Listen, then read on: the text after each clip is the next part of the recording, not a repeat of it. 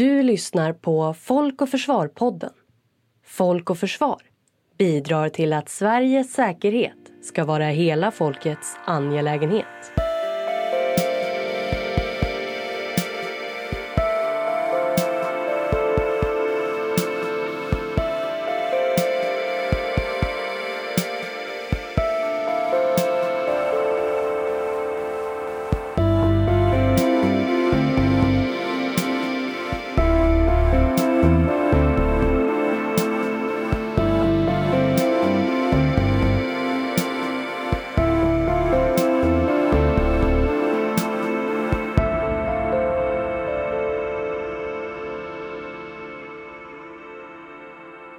Varmt välkommen till Folk och Försvar-podden.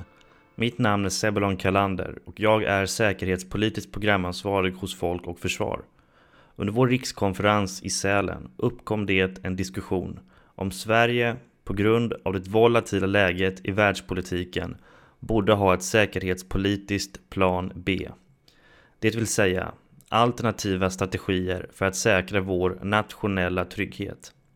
Syftet med det här avsnittet av Folk och Försvar-podden är att utforska den här frågeställningen och till vår hjälp har vi tre eminenta experter i egenskap av Robert Dalsjö från Totalförsvarets forskningsinstitut, Björn Fägersten från Utrikespolitiska institutet och Katarina Tratsch från tankesmedjan Frivärd.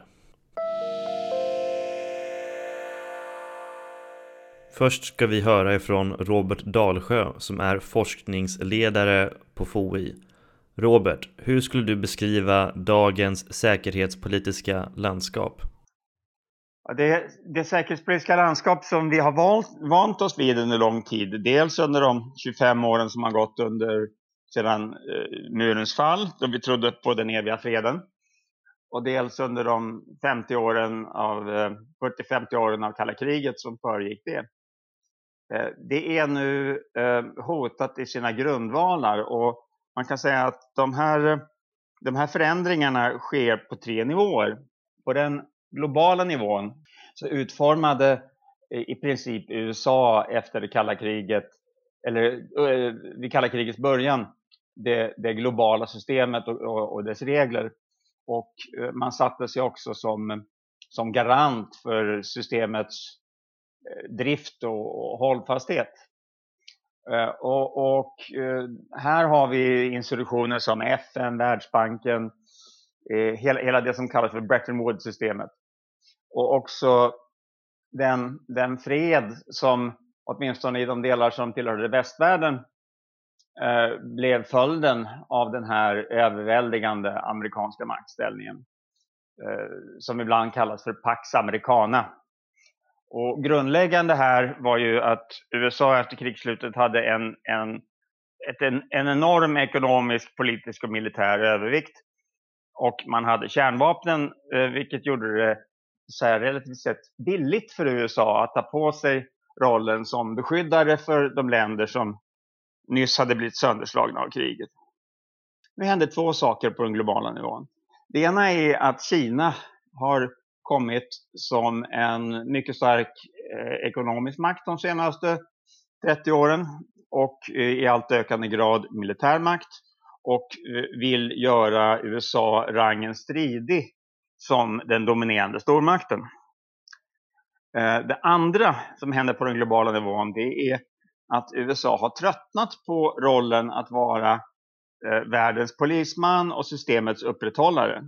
Och det här började redan före Trump, men Trump är ju väldigt tydlig med, det, med den att eh, han tycker inte att eh, USA ska kratsa kastanjerna ur elden åt andra länder som inte betalar för sitt försvar. Att USA ska se till sina egna intressen och inte helheten. Och, och eh, tillsammans gör det här att hela den, den världsordning som har rått sedan 1945 och sedan 1990 också i de delar som tidigare var kommunistiska, den är nu hotad i grunden. På den europeiska nivån eh, så inrättades efter Berlinmurens fall en ordning som kallades för den europeiska säkerhetsordningen med Organisationen för säkerhet och samarbete som en central eh, aktör eller arena. Eh, 1990 så slöt man ett högtidligt fördrag i Paris där alla stater skulle vara demokratier. Det skulle inte förekomma några krig, alla skulle respektera mänskliga rättigheter och så vidare. Det här har vi nu sett efter eh, Georgien och Krim att eh, det här funkar inte därför att Ryssland respekterar inte de här principerna och struntar högaktningsfullt i dem. Och i västvärlden har vi inte gjort mycket mer än vridit händerna lite grann och beklagat det inträffade och lagt lite sanktioner på Ryssland. Eh, och man kan säga att eh, Västeuropa borde vara så rikt och starkt så det skulle kunna hantera en utmaning från en andra eller tredje rangens makt som Ryssland. Eh, men man kan inte samla sig. Man har blivit så... Ja, fredsskadade är ett populärt uttryck.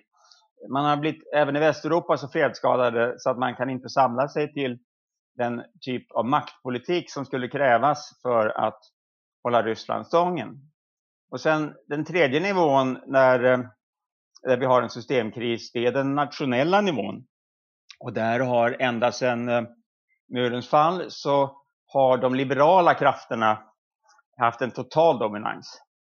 Och eh, Francis Fukuyama blev ju världsberömd när han hävdade att efter, eh, i början på 90-talet att nu har historien tagit slut, nu har den liberala samhällsmodellen segrat och nu är det bara att så att säga möblera paradiset. Allting är klart. Och i de stora västländerna så har det då varit mittenpartierna som har dominerat. Det har varit Kristdemokraterna, eh, moderata republikaner och demokrater, Merkel och, och Tony Blair och, och Fredrik Reinfeldt. Den här politiska bilden av total liberal dominans har krackelerat sedan 5-6 år. Det har kommit en, eh, en revolt kan man säga underifrån som väller fram på både höger och vänsterflanken av människor som är missnöjda med globaliseringen och inte delar den här eh, liberala styrande elitens värderingar. Och, och, stödet har blivit så starkt så att man har kommit till makten i USA. Vi fick Brexit i Storbritannien. Eh, alternativ för Tyskland växer upp som en konkurrent till CDU i, i um, Tyskland. I um, Frankrike var etablissemanget nära att förlora presidentvalet. Så att det skulle stått mellan en kommunist och, och en eh, protofascist. Så man kan säga att, att den hegemoni som har rått i västvärlden eh, de senaste 25 åren av de liberala partierna, den har spruckit. Och vad jag menar är att tillsammans så kan de här tre systemkriserna på den globala nivån, på den europeiska nivån, på den nationella nivån skapa en perfekt storm som i grunden förändrar eh, världen och förutsättningarna för svensk säkerhet och svenskt välstånd. Du har tidigare talat och skrivit om behovet av ett säkerhetspolitiskt plan B. Kan du kort beskriva vad ett säkerhetspolitiskt plan B är för något? Ja, det handlar i grunden om den, den storstrategi som Sverige har för att hantera sin säkerhet. Och man kan säga att efter att vi förlorade Finland 1809 så hade vi i nästan 200 år en storstrategi som gick ut på att ligga lågt, att inte reta ryssen eh, och att ehm, i tysthet förlita oss på den stora sjömakten västerut, först England, sen USA sen 1990-talet så har vi bytt den, eh, den storstrategin mot en, en ny storstrategi som har att göra med att vi har integrerat oss ekonomiskt och politiskt med EU eh, och vi, eh, vi förlitar oss mycket tydligare och öppnare på eh, amerikansk hjälp och amerikanskt stöd vad gäller den, den säkerhetspolitiska, hårda militära dimensionen. Och vad jag menar nu är att eh, utvecklingen i, i omvärlden de senaste åren är sånt så att det är möjligt att den här säkerhetsstrategin helt enkelt inte håller, att förutsättningarna inte kommer att finnas för att fortsätta den strategin och då borde vi tänka på vad vi skulle kunna göra istället. Hur skulle ett säkerhetspolitiskt plan B kunna se ut? Eh, några tankesmedjor genomförde i somras en väldigt intressant är ett intressant krisspel. Där förutsättningen var att Trump nu blir omvald i höst och eh, han börjar sin nya presidentperiod genom att förklara då i början på nästa år att USA kommer att lämna NATO. Och eh, hur eh, skulle då de europeiska länderna reagera på det här? Och, då, och i spelet så utsattes så här, grupper av beslutsfattare från olika länder eh, för den här frågeställningen. Och man kan säga att en grupp länder, eh, Storbritannien, Polen till exempel, de siktade på att beveka USA. Okej, okay, överge NATO, men eh, fortsätta beskydda oss, för vi är så speciella. Och britterna skulle åberopa då eh, den här special relationship som är mer special i brittiska ögon än i amerikanska. Och polackerna, de särskilda banden mellan, mellan Polen och USA och de många polska väljarna för att försöka eh, få eh, USA att fortsätta beskydda dem även om eh, man lämnade resten av NATO i sticket. Eh, sen var det då tyskarna som reagerade genom att försöka köpa fortsatt eh, amerikanskt beskydd. Eh, för det skulle ju vara en livskris för förbundsrepubliken om Eh, den amerikanska beskyddarrollen försvann. Eh, och plötsligt blev det möjligt för dem att eh, sälja ut ekonomiska och handelsvärden som de annars har skyddat ifrån till USA. Men de var uppenbarligen desperata och skulle erbjuda USA långtgående eftergifter på det ekonomiska området för att fortsatt få eh, beskydd. Eh, den franska inställningen däremot, den var att ja, ja, eh, amerikanerna är svekfulla, det har vi alltid velat. Nu måste Europa kunna stå på egna ben. Eh, och nu ska vi bygga en, en europeisk oberoende förmåga. Och de här tendenserna kan man redan se i diskussionerna för att eh, länderna i Europa tar nog på så stort allvar, i alla fall de tunga länderna, möjligheten av att något sånt här kan inträffa, att man har börjat så att säga, gardera sig.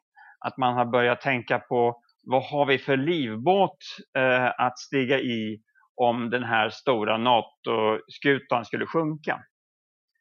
Eh, och en av dem är förstås eh, den europeiska som ju fransmännen redan har gjort eh, propaganda för. Eh, jag tror att norrmännen skulle nog vara frestade att försöka sig på en variant av den engelska eller den polska linjen och säga ja men Norge är så speciellt och vi är så viktiga för eh, att kunna hålla ett öga på kolabaserna eh, så att ni måste fortsatt ge oss stöd. Men eh, jag tror att Sverige skulle vara väldigt kluvet inför en sån här utveckling. Eh, med rätta. För det finns, skulle inte finnas någon, någon enkel linje att säga ja vi satsar på det europeiska. Uh, eller någon annan linje.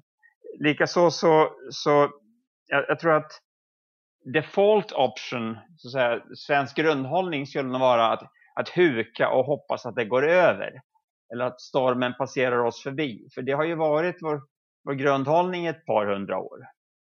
Um, man kan se hur, hur vi bar oss åt uh, på 30-talet då vi stod inför en liknande situation.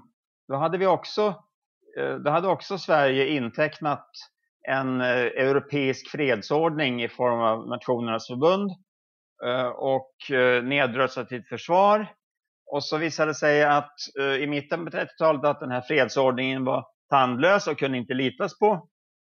Och då retirerade Sverige från så att säga solidaritet inom Nationernas förbunds ram in i Eh, en nordisk solidaritet. Så under några år i slutet av 30-talet så, så talade man högstämt om att de nordiska länderna skulle hålla samman i en hård värld. Men det där höll ju inte speciellt länge Eh, därför att när eh, sen det ryska angreppet på Finland och det tyska angreppet på Norge och Danmark kom så eh, hjälpte vi inte våra grannar, i alla fall inte i den utsträckning de hade förväntat sig. Eh, och så stod Sverige ensamt. Och, och risken med en sån utveckling, med, eller med om eh, säkerhetsstrukturerna faller samman runt oss, och vi inte gör ett aktivt val i en riktning så är risken att vi hamnar i samma läge som vi hamnade i slutet av 30-talet eh, och står ensamma. Och eh, vi kanske inte ska räkna med att ha tur eh, en tredje gång.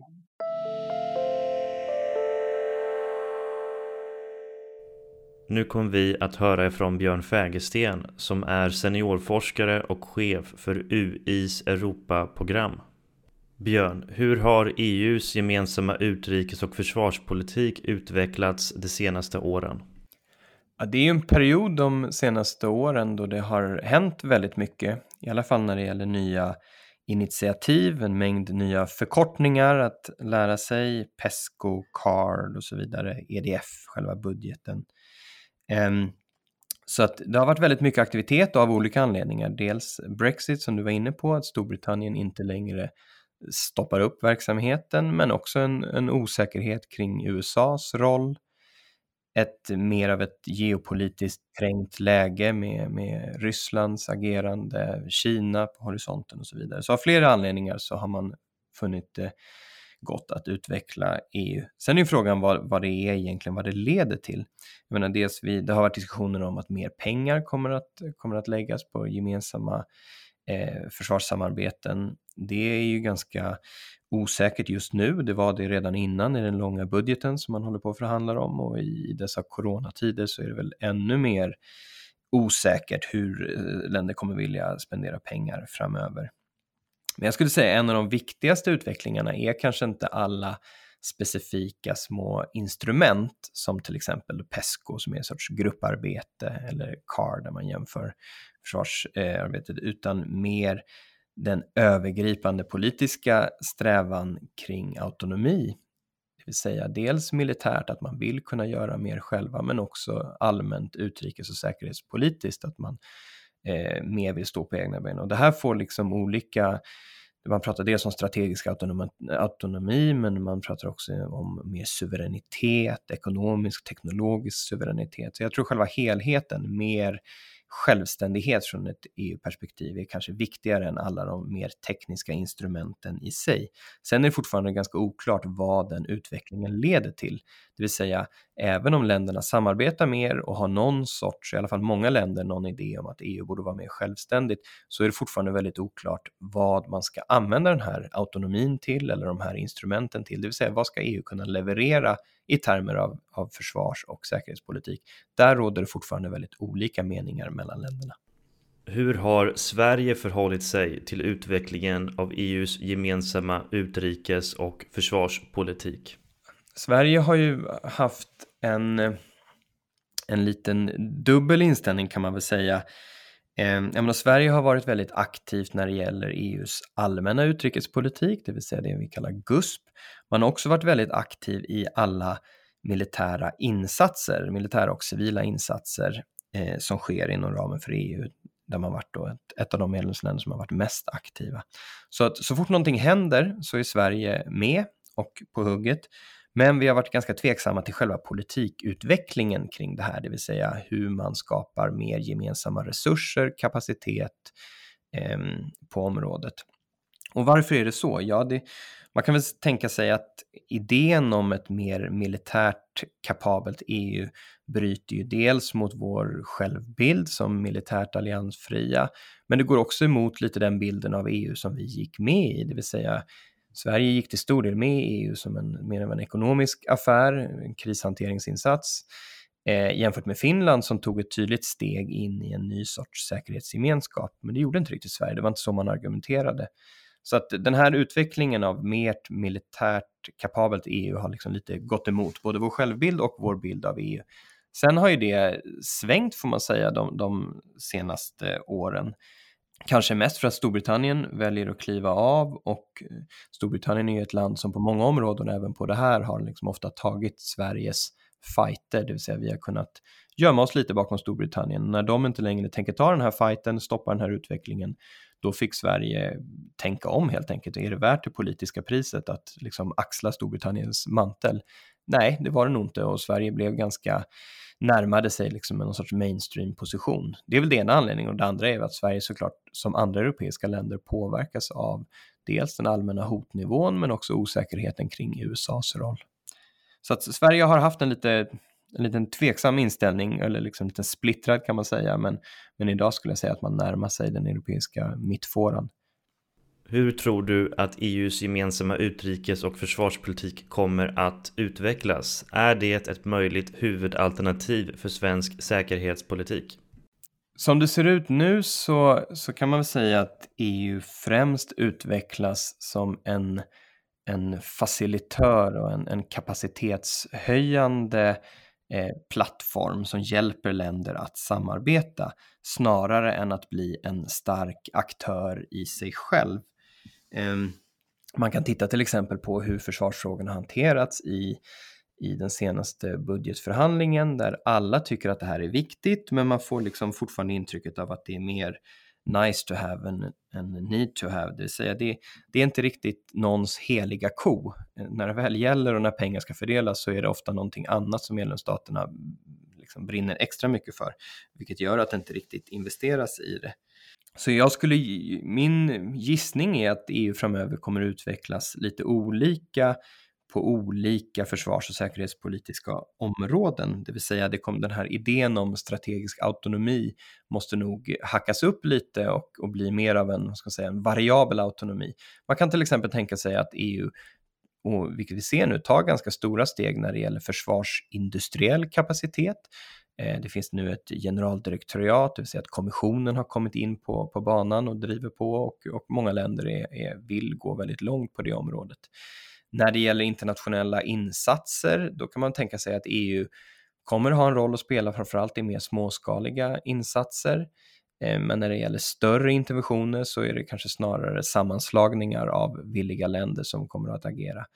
Och slutligen på när det gäller mer territorialförsvar så, mm, så är det nog rätt långt kvar innan EU kan prata om någon sorts autonomi, det vill säga det är inte där tyngdpunkten kommer att ligga framöver, utan man, de flesta europeiska länderna är fortsatt hellre beroende av USA i den bemärkelsen än att bygga upp någon motsvarande eller parallell förmåga själva. Så att eh, svaret i, kan EU bli ett huvudalternativ? Ja, det beror lite på alltså, vad som är A och vad som är B-plan här, men jag ska säga att det finns det finns väl ett antal olika uppgifter som en, en svensk försvarsmakt kommer behöva lösa åren framöver. Dels handlar det såklart om försvar av det egna territoriet. Eh, det handlar också om försvar av EUs gränser i, i bemärkelsen av att skydda dem eh, med olika insatser för att stoppa flöden in och ut och så vidare. Och den tredje uppgiften är någonstans att, att skydda för oss viktiga flöden i världen, handelsflöden och så vidare.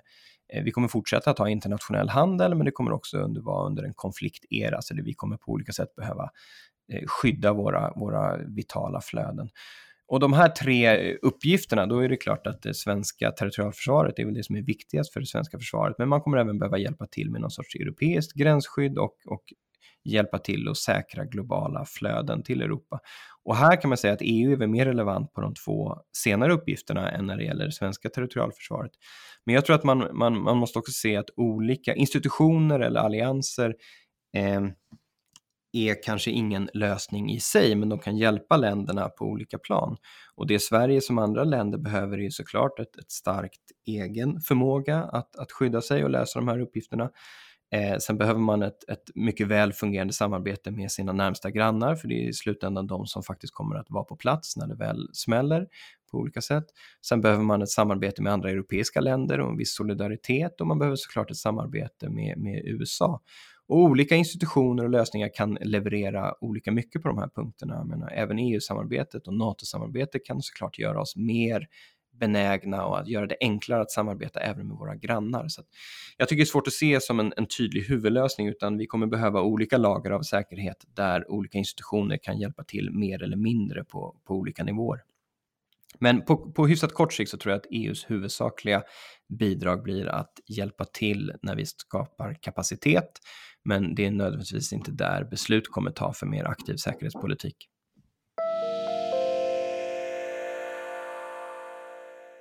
Avslutningsvis kommer vi att höra ifrån Katarina Tratsch som är chef för tankesmedjan Frivärd.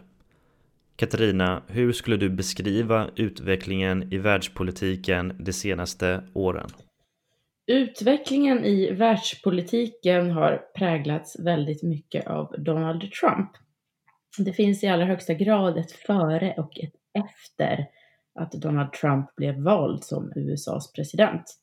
Eh, och även innan han blev vald så fanns det ett liksom före i det att de frågor som han har tagit upp och pekat på i säkerhetspolitiken kom att dominera debatten i stor utsträckning eh, redan, redan innan hans val. Eh, så på sätt och vis så kan man säga att, eh, att det har blivit en pre och post-trumpiansk eh, värld. Och vad som är intressant att titta på här det är ju att Eh, mycket av det som, som diskuteras nu och den situation vi befinner oss i, eh, där, eh, som präglas av större osäkerhet och inte minst större osäkerhet om amerikanska åtaganden. Eh, det var sånt som, som egentligen fanns där innan. Eh, Donald Trump under sin kampanj var väldigt skicklig på att peka på det här eh, och eh, ta, ta upp amerikanernas trötthet på att betala för andras försvar. Eh, och det har då resulterat i, eh, i någon slags eh, en hårdare ton från Donald Trump där, där vi har hamnat i mer av en transaktionell eh, säkerhetspolitisk situation. Det vill säga att för att få ut någonting från USA, för att få de garantier som, som man har haft och fortfarande ska ha, så behöver man betala mer. Så vi har hamnat i en trumpiansk transaktionell värld på sätt och vis. Och jag tycker att vad som är viktigt att peka på här, det är att när man en gång säger att säkerhetspolitik är transaktionell, då är den det. Det behövs ingen officiell doktrinändring eller det behövs ingen officiell ändring av, av NATO-stadgan eller så, utan att, att det faktumet har rests gör att den farhågan finns här och den förståelsen finns där. Och då är det så. Eh, och det andra med den transaktionella säkerhetspolitiken, eh, de transaktionella försvarsgarantierna, det är att det går inte att backa från det. Det finns inget sätt man backar bandet. Oavsett om Donald Trump blir omvald till USAs president eller inte så kommer amerikanska försvarsgarantier i betydligt större utsträckning bygga på ett underliggande transaktionellt tänk. Och det transaktionella vill säga att, att de som har varit mottagare av försvarsgarantier som europeer, eh, sydkoreaner och så vidare, att de i större utsträckning betalar för sitt försvar. Eh, så, så det skulle jag säga har, har präglat eh, säkerhetspolitiken under de sena år, senaste åren och hur olika länder har liksom förhållit sig och försökt anpassa sig till det här nya klimatet. Hur påverkar den här utvecklingen Sverige? Ja, Sverige liksom andra länder har ju tittat på, på olika garderingar. Eh, nu har Sverige inte formellt några amerikanska försvarsgarantier, även om Sverige under senare år och inte minst under försvarsminister Peter Hultqvists så kallade Hultqvist-doktrin eh, har närmat sig USA mer och fått det som nästintill kan ses som försvarsgarantier, det vill säga väldigt explicita uttalanden från amerikanskt håll från den förra amerikanske eh, försvarsministern om att, eh, att vi, vi står varandra nära och att USA kommer hjälpa och så vidare. Eh, men Sverige och andra länder, de, de tittar ändå på olika sorters garderingar mot det här. Eh, om jag, om jag kan beskriva lite brett eh, vad det finns för olika sorters garderingar och det här gäller inte bara Sverige, men ett, en gardering eller hedge som man pratar om inom säkerhetspolitiken, det är att man närmar sig andra länder. Eh, är man ett asiatiskt land så kan ett alternativ vara att man närmar sig Kina. Eh, I Ryssland eh, kan det vara, eller i Europa kan det vara att man närmar sig Ryssland. Och det här har blivit tydligt inte minst i, i coronakrisen när vi ser här retoriken från vissa europeiska länder som tydligt riktar mot Ryssland eller Kina i första hand för att motta hjälp. Eh, andra, en annan eh, hedge eller en annan eh, garant alternativ, det är ju att man inleder andra bilaterala och regionala samarbeten.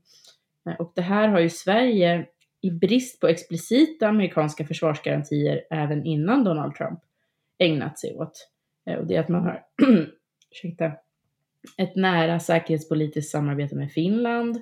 Eh, man har ett nära samarbete med USA, eh, men man har också med, med andra länder och andra regioner. Nu, nu senast har vi sett hur vi har utvecklat ett eh, säkerhetspolitiskt samarbete med Frankrike och skickat trupp till, till deras styrkor i, i Mali, Sahelregionen. Vi har också nära försvarssamarbete med Storbritannien.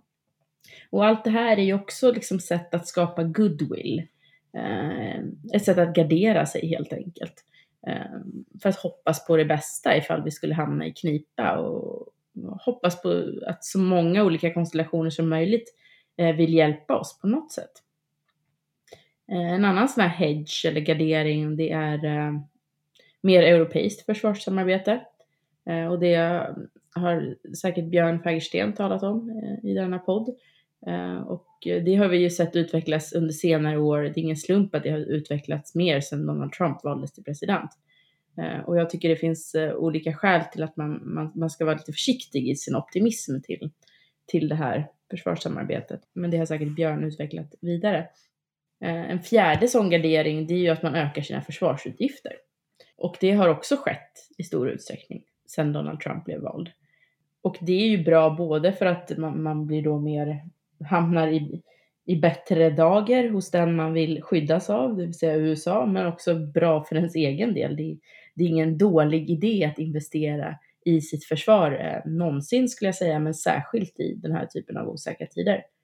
Eh, och där har också Sverige i viss mån ägnat sig åt det här, även om det har varit en debatt eh, om hur mycket och eh, i vilken utsträckning det är tillräckligt, eh, som vi kan ägna oss åt i ett annat poddavsnitt.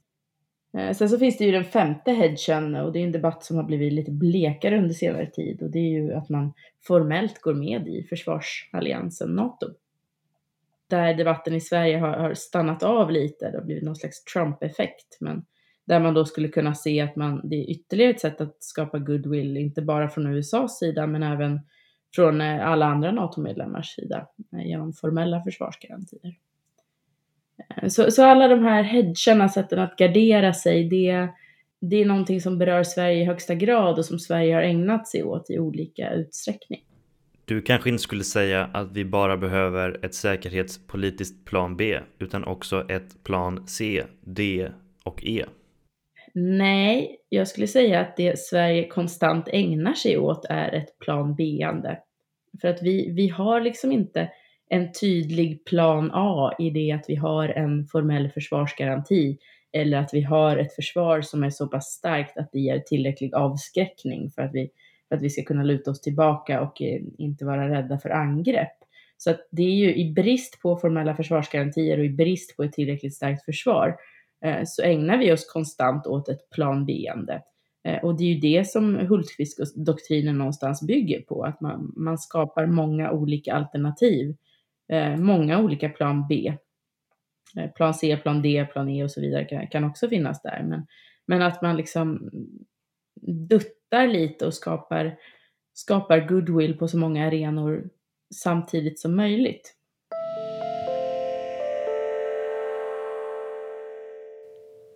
Du har hört Folk och Försvar-podden. Medverkade gjorde Robert Dalsjö, Björn Fägersten och Katarina Tratsch. Podden är skapad av Sebulon Karlander och Maja Jonsson från Folk och Försvar.